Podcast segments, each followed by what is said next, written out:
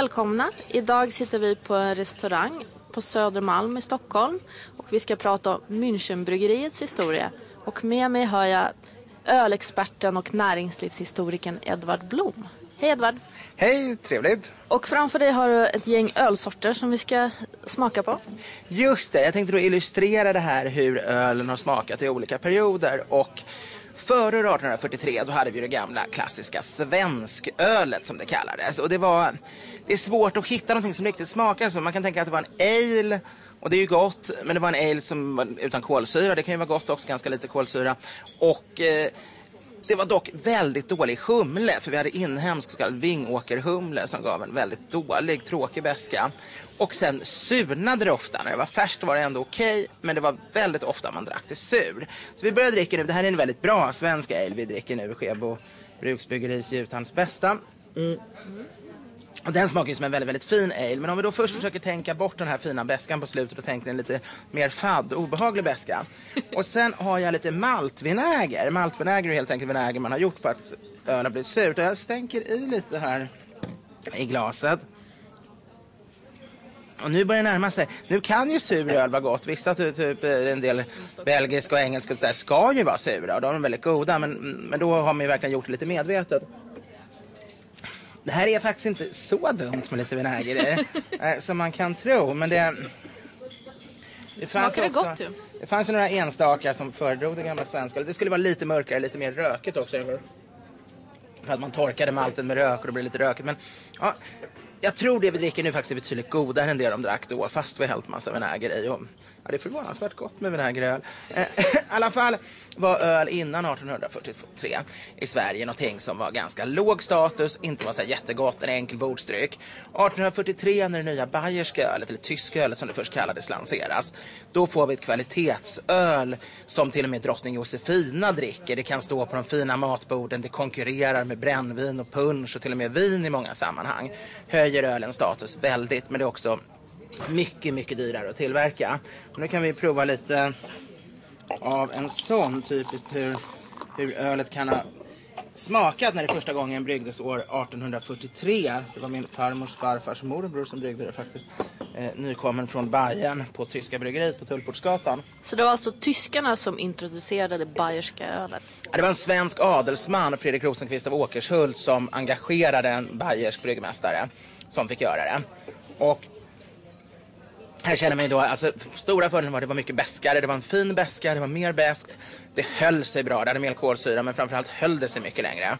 Så att det blev inte den här sura smaken utan man kunde ha man kunde handla med man kunde ha till affärer och sälja, man kunde köra ut bryggarvagnar och sälja. Det var en mycket mer lätthanterlig vara och högre kvalitet. Och vad dricker vi nu? Nu dricker vi en Gambrino, så det är egentligen tjeckiskt. Alltså, man utvecklade den bayerska eller tyska ölen, utvecklades sen till pilsner av en bajrare som bodde, tillhörde tyska minoriteten i, i Tjeckien. Och man kan väl säga att idag är ju väldigt mycket av den öl vi dricker. Allt som inte är ale eller stout eller så nästan bygger på, eller, eller specialöl, är en sorts vidareutveckling av, av det som då kom med den här bayerska ölmetoden. Hur startades Münchenbryggeriet då? Münchenbryggeriet är något helt nytt. För fram till 1846 så hade vi strikta skråregler. Det innebar att endast en medlem av bryggarämbetet fick brygga öl, eller fick äga ett bryggeri. Och det var de som hade äckliga öl? Ja, det var därför det blev ganska äckligt, för man hade aldrig fler bryggare. Bryggarämbetet bestämde skrået hur många bryggare som skulle få finnas. Och de såg till att det var så få, så även den i stan som gjorde det allra sämsta ölet och sket helt hur det smakade, skulle få sälja alla sina flaskor till ett bra pris. Gjorde de inte det såg de till att inte ta upp några nya, utan ännu färre att det blev som brist på öl, att folk köpte även det sämsta. Sen övervakade de lite och försökte hålla koll att ingen gjorde allt för dåligt, men tanken var att oavsett hur dåligt det var skulle det ändå sälja. Alltså det, det, det var ju rätt katastrof. Men det var också svårt att bygga upp ett företag. För du kunde ärva det av din far. Du kunde gifta dig till det och ärva det av din svärfar. Och ärvde du då bryggeriet och var kompis med alla bryggarna kunde du upptas i bryggarämbetet. Och få... Men var du en vanlig, bara duktig person så, som jobbade inom bryggeriet och tog det kanske 30-40 år, en hel livstid, att tjäna ihop så mycket pengar som behövdes för att starta ett eget liten rörelse. Och det var inte alls säkert att någon någonsin gav dig burskap som bryggare, att du kom in i bryggarskrået och fick göra det. Eh, så det var väldigt små enheter. Det gick aldrig att bygga upp stora fabriker vid den tiden. Men i och med näringsfriheten, då kan plötsligt, som med Münchenbryggeriet, några rika affärsmän, bröderna Bryssel och några till, några stora handelsföretag, starta ett aktiebolag, samla in massa pengar då vid aktieteckningen och sedan köpa en stor industri, beställa bästa utrustningen nerifrån Tyskland, bästa maskiner och bryggarutrustningen och anställa en duktig tysk bryggmästare med en bra lön. Så nu är det plötsligt inte bryggmästaren själv som äger och driver sin lilla rörelse utan det är ett stort företag med ett stort bryggeri. Och det är det. Münchenbryggeriet är därför lite av eh, en, en pionjär på det planet. De var inte alls först med Bayersk öl. Det första bayerskt ölet var 1843 på tyska bryggeriet.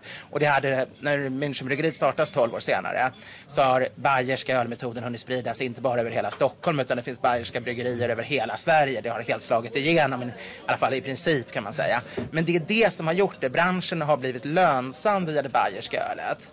Plötsligt säljer det mer, det kostar mer, det dricks mycket mer öl. Folk dricker öl istället för sprit. Det blir lönsamt och då lönar det sig också grunda det här stora bolaget, köpa den här stora anläggningen, gamla fabrikslokalen på Södermällarstrand, anställa Kumpfmüller då nerifrån Tyskland som var den första bryggaren. Hur kommer det sig att det blev Södra Mälarstrand? Ja, det har flera punkter. Alltså, dels så låg det mycket industrier på Söder. Man kunde inte ligga mitt i smeten. Det hade blivit för trångt nere på, på eh, Gamla stan och Stadsholmen och närmaste delarna. Utan man var tvungen att ligga lite utanför. Samtidigt handlade folk mycket öl vid bryggeriet. Så man ville ändå vara så pass nära gångavstånd som det gick. Och då låg det bra till. Sen behövde man ha tillgång till is för det bayerska ölet. Så det behövde ligga nere vid vattnet. Man skulle ha någonstans där man kunde släpa is, is, isblock nere från vattnet på vintern.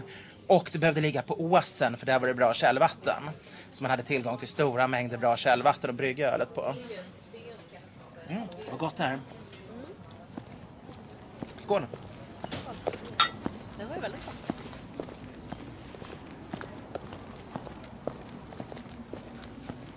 Vi har förflyttat oss från baren eh, på Södermalm till eh, själva Münchenbryggeriet och vi står här på gården och det är gigantisk tegelkomplex med stora och fantastiska byggnader och eh, numer så är det massor av verksamheter som huserar här. Det är Balettakademin, det är skolor, det är något studieförbund och eh, det brukar hållas konserter här. Men annat var det när lokalerna byggdes, eller hur Edvard?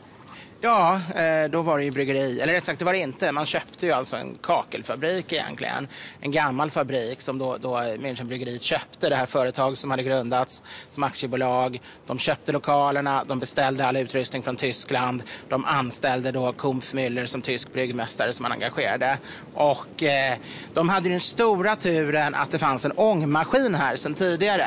Det var nämligen så industrialiseringen av de svenska bryggerierna hade ännu inte gått nog långt. Så de var inte stora nog för att något så otroligt dyrbart som en ångmaskin skulle löna sig. Utan eh, det behövdes mycket, mycket mer produktion att komma upp i det för att det skulle löna sig att köpa en. Men när man nu hade en gratis, när det följde med lokalerna, då var det ju väl värt att använda den. Och det var framförallt maltkrossning, hissning, lyftning som tidigare man fått ha hästar till som nu gick att göra i mycket större kvantiteter när, när man hade en ångmaskin. Hur var det att jobba här på 1800-talet? Det var ett ganska hårt arbete. Det var jobbigt, långa dagar, mycket arbete, fysiskt tungt. Men det var statusarbete. Det var mycket mer betalt än andra fabriker. Det var väldigt välbetalt eh, på bryggerier. Det var ett av de mest välbetalda jobb som kvinnor kunde ha. Dalkullorna, säsongsarbetarna, jobbade i väldigt stor utsträckning här. Och eh, man hade hela den här, inom bryggerinäringen hade man den här tyska traditionen med företagshälsovård och mycket socialt engagemang. Kanske inte riktigt lika mycket på Münchenbryggeriet som på de som verkligen ägdes av en tysk bryggare, men man hade tagit över det ändå rätt mycket hela branschen präglades av, av mycket socialt tänkande. Så det var många kvinnor som jobbade här? Det var väldigt många kvinnor, alltså framförallt Dalkullen men även andra starka arbeterskor som sköljde flaskor och tappade och, och slet med det. Däremot var det ju män som mer var hantverkarmästare som var eh, fatbindarmästare eller sadelmakarmästare eller framförallt bryggmästaren och alla de viktigaste cheferna.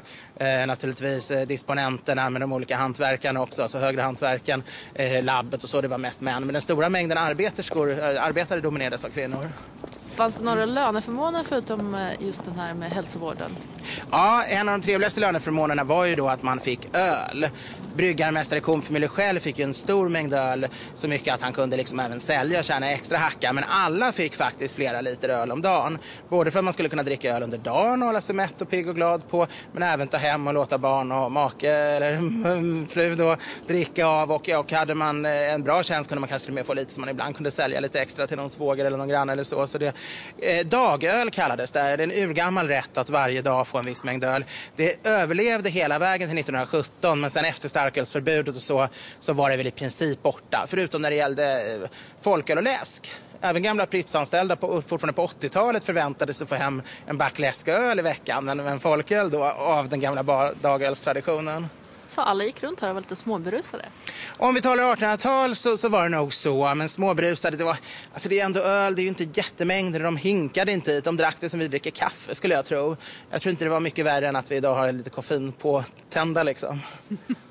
Om man tittar sig omkring här så, var, så är det inte så mycket kvar av det gamla. Utan det är ju fasaderna såklart. Och så, så man lite grann av kaklet är kvar om man tittar in i lokalen genom fönstren.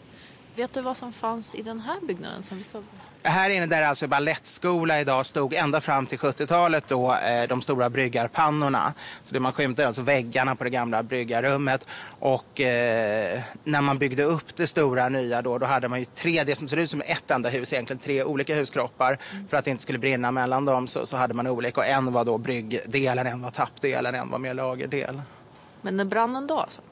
Ja, det var en stor brand och det har ju påverkat Münchens historia väldigt mycket. Det gick ju väldigt bra och de hade byggt ut och det hade blivit ett kråkslott med konstiga labyrinter med tillbyggnader och ombyggnader och ganska svårt och även utrustningen var ganska blandad, gammal och ny om vartannat. Och så plötsligt började det brinna. Eh, det var det klassiska linolja på, på trasselsudd som man har glömt att ta undan som självantänder. Och allt brann ner och eh, försäkringsbolaget stod för hälften. Men de lyckas samla in den andra halvan av eh, aktieägarna, göra en stor nyemission. Och det här blir lustigt nog eh, deras stora framgång den här branden. För Kvennerstedt som vdn hette då, som var väldigt skicklig och duglig, han lyckas på ett år bygga upp det här och då får han ju den allra senaste modernaste utrustningen. Perfekta hus och lokaler och den allra nyaste utrustningen från Tyskland. Och ofta det gick så snabbt utvecklingen vid den här tiden så ofta var det det. Om man var lite före sina konkurrenter och bara hade en tre år nyare maskin så gick det liksom, då kunde man producera otroligt mycket bättre och mer öl än, än konkurrenterna. Så det var faktiskt deras lyckokast att, att det brann.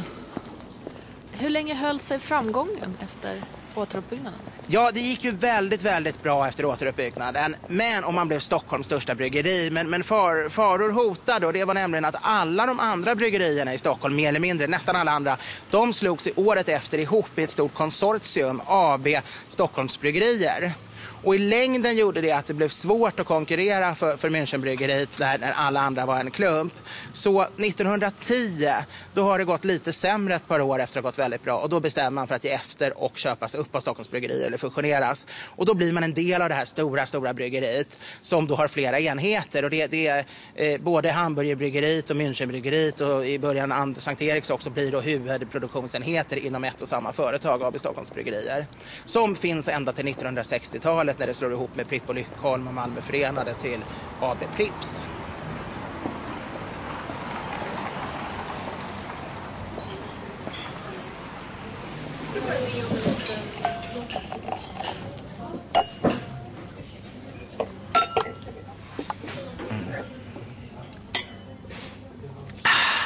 Ja, vi är tillbaks på restaurangen här på Södermalm i Stockholm och provar mer öl. Och eh, jag undrar ju såklart, vad hände med öltillverkningen vidare under 1900-talet och eh, hur bra gick det för Münchenbryggeriet i och med den utvecklingen?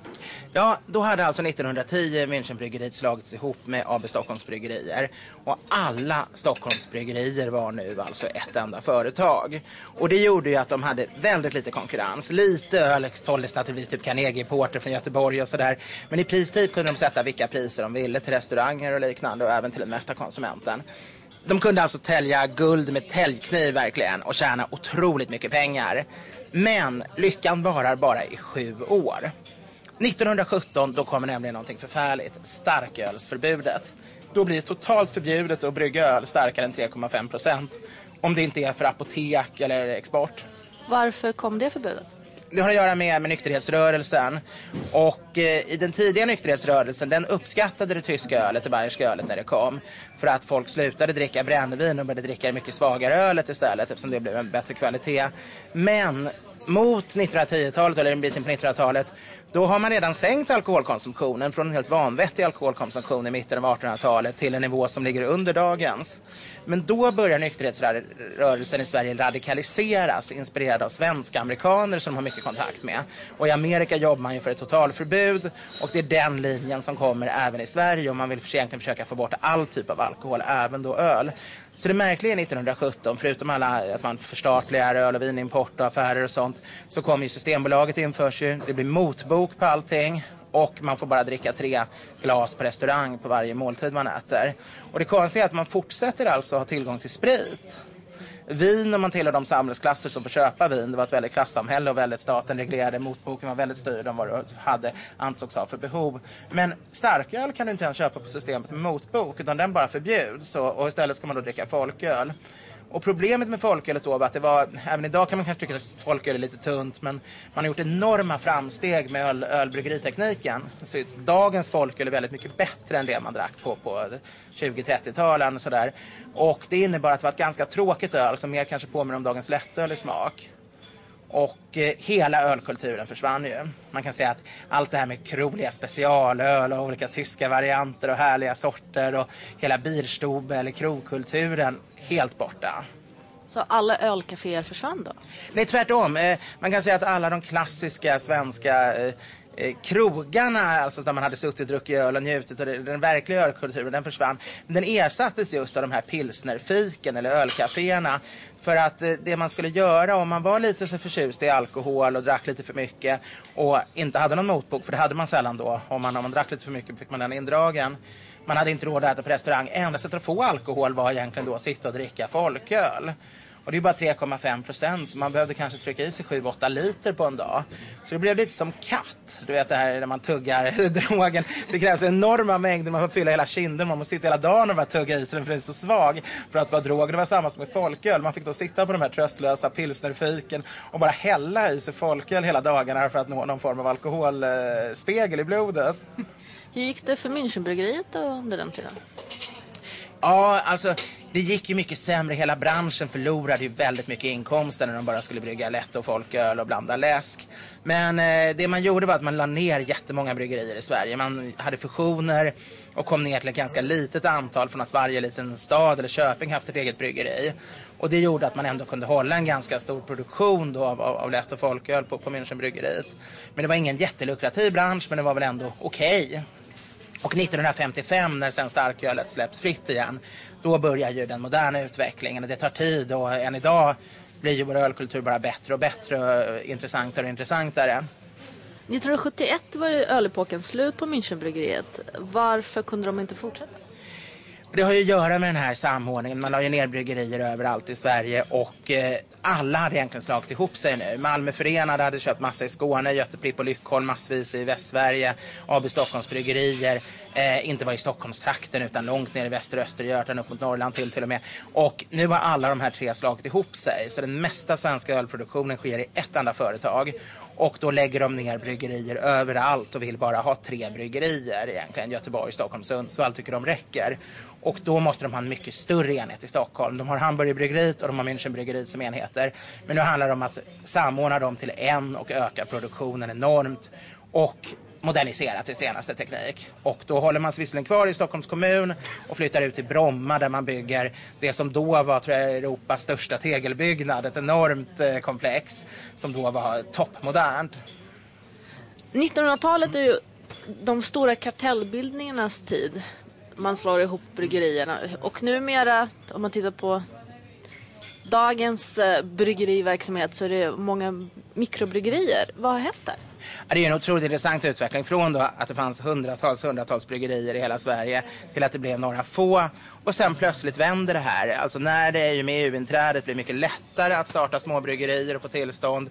Och det är en allmän trend, först i USA, sen i hela Europa, med små hantverksbryggerier.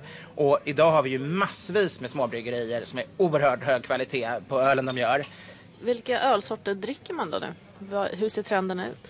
Det har ju blivit en otrolig mångfald, men det jag dricker nu till exempel det är ju en IPA och det är Indian Pale Ale, men egentligen inte en traditionell sån utan en sån med amerikansk humle. Alltså en sorts brittisk ale från början, men i en amerikansk tolkning där man har humlesorter som från början har vuxit vilt i Amerika. De har en väldigt tydlig grapefruktton skiljer sig väldigt mycket från klassisk öl. De är otroligt inne. Och det har kommit väldigt mycket trender. Men det finns mycket, även porten har kommit tillbaka. Så även olika starkare porter som porten var innan starkölsförbudet. Och alltså ofta 7,2 eller 8 eller sådär som även Carnegie var en gång i tiden. Imperial Porter, Imperial Stout. Specialöl av alla slag. Från eh, rököl till syrade ölsorter eller, eller öl där man smaksätter med olika. Så det är en enorm bredd. Men man får nog ändå säga att den amerikanska IPAn, eller APAn, American Pale Ale, lite olika varianter av samma kan man säga. De, de är ju de som för tillfället är mest trendiga i sådana här kretsar.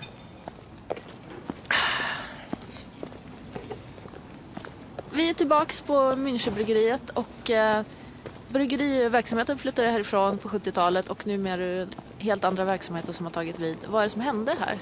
Ja, det blommade upp väldigt efter att starkölet tilläts igen och eh, som jag nämnde så slogs ju väldigt många bryggerier ihop. Man hade slagit ihop sig i Prips och det gjorde att man la ner massa bryggerier. Man ville bara ha en enhet i Göteborg, en i Stockholm och en i Sundsvall.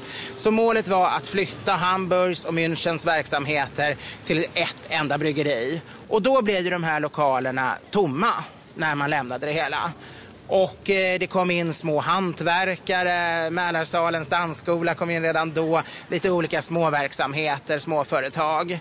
Men redan efter ett par år köper Stockholms stad hela komplexet och marken och allt och bestämmer sig för att riva det här underbart vackra huset för att bygga moderna skyskrapor och miljonprogram. Och eh, det blir en enorm folkstorm. Hans Rydberg som fortfarande arbetar har visat runt oss här idag i de gamla lokalerna han var den som ledde protesten och han lyckades få med sig Povel Ramel och Fogelström, Tage Danielsson. Det var nästan inte en kulturpersonlighet i Stockholm som inte engagerade sig. Det blev en enorm folkstorm för att rädda det här fantastiska kulturminnesmärket. Men politikerna var helt ointresserade. De sket fullständigt dit de med maktens arrogans. De hade suttit där i årtionden och tyckte liksom att det var helt ointressant vad röstare och väljare och sådana tyckte för det var, var de som bestämde. Och det skulle rivas och, och allting var klart. Det var jag tror en vecka innan de skulle komma hit med schaktmaskinerna och spränga bort allting. Då upptäcker politikerna en morgon något de aldrig trodde skulle hända. De är bortröstade. Det är 76 och plötsligt har Stockholm fått en borgerlig eh, majoritet. Så de bestämmer inte längre. Och, och det var nog väldigt snopet och något de inte hade riktigt räknat med. Och det första beslutet som den nya regimen tar i stadshuset är att rädda Münchenbryggeriet. Och eh, vad gör man då? Restaurerar man upp det eller? Ja, man hade, tyvärr hade ju Stockholms stad redan innan då tagit bort bryggeribryggarpannorna och mycket sånt. Men det restaureras långsamt upp. Alltså Hans Rydberg och flera håller ju på och driver det här. Och idag är det ju väldigt moderna lokaler. Delar i alla fall konferensanläggningen är ju väldigt modernt. Jag har varit på danskurser, jag tror de flesta stockholmare och jag har sett ballett. Det är nog som med de flesta stockholmare att man har eh, varit på många aktiviteter här och gjort många saker. Men som sagt, det finns inte så mycket spår av den gamla bryggeriverksamheten just här. Hela byggnaden är ju uppenbart ett bryggeri. Det, man valde ju att välja den tyska bryggeriarkitekturen som stil med det här teglet, det här palatsliknande. Sen hade man i och för sig, göra ännu lyxigare så hade man putsade kalkdetaljer upp till, man hade råa kalksten ner till. Så man, man ser ju, har man minsta liksom, historisk kunnande så ser man i varje detalj att det är ett bryggeri. Men däremot inuti när man går i salarna och så, då, då tror jag inte man förstår det om man inte vet om det där finns väldigt lite som vittnar om verksamheten. Och med det så tackar jag dig Edvard Blom, känd från TV och eh, Centrum för näringslivshistoria. Tack så hemskt mycket, det var väldigt trevligt. Och eh, jag tackar även för mig. Rita Feldman heter jag. Och vill du höra mer om svensk näringslivshistoria så finns vår podcast på www.näringslivshistoria.se. Vi hörs!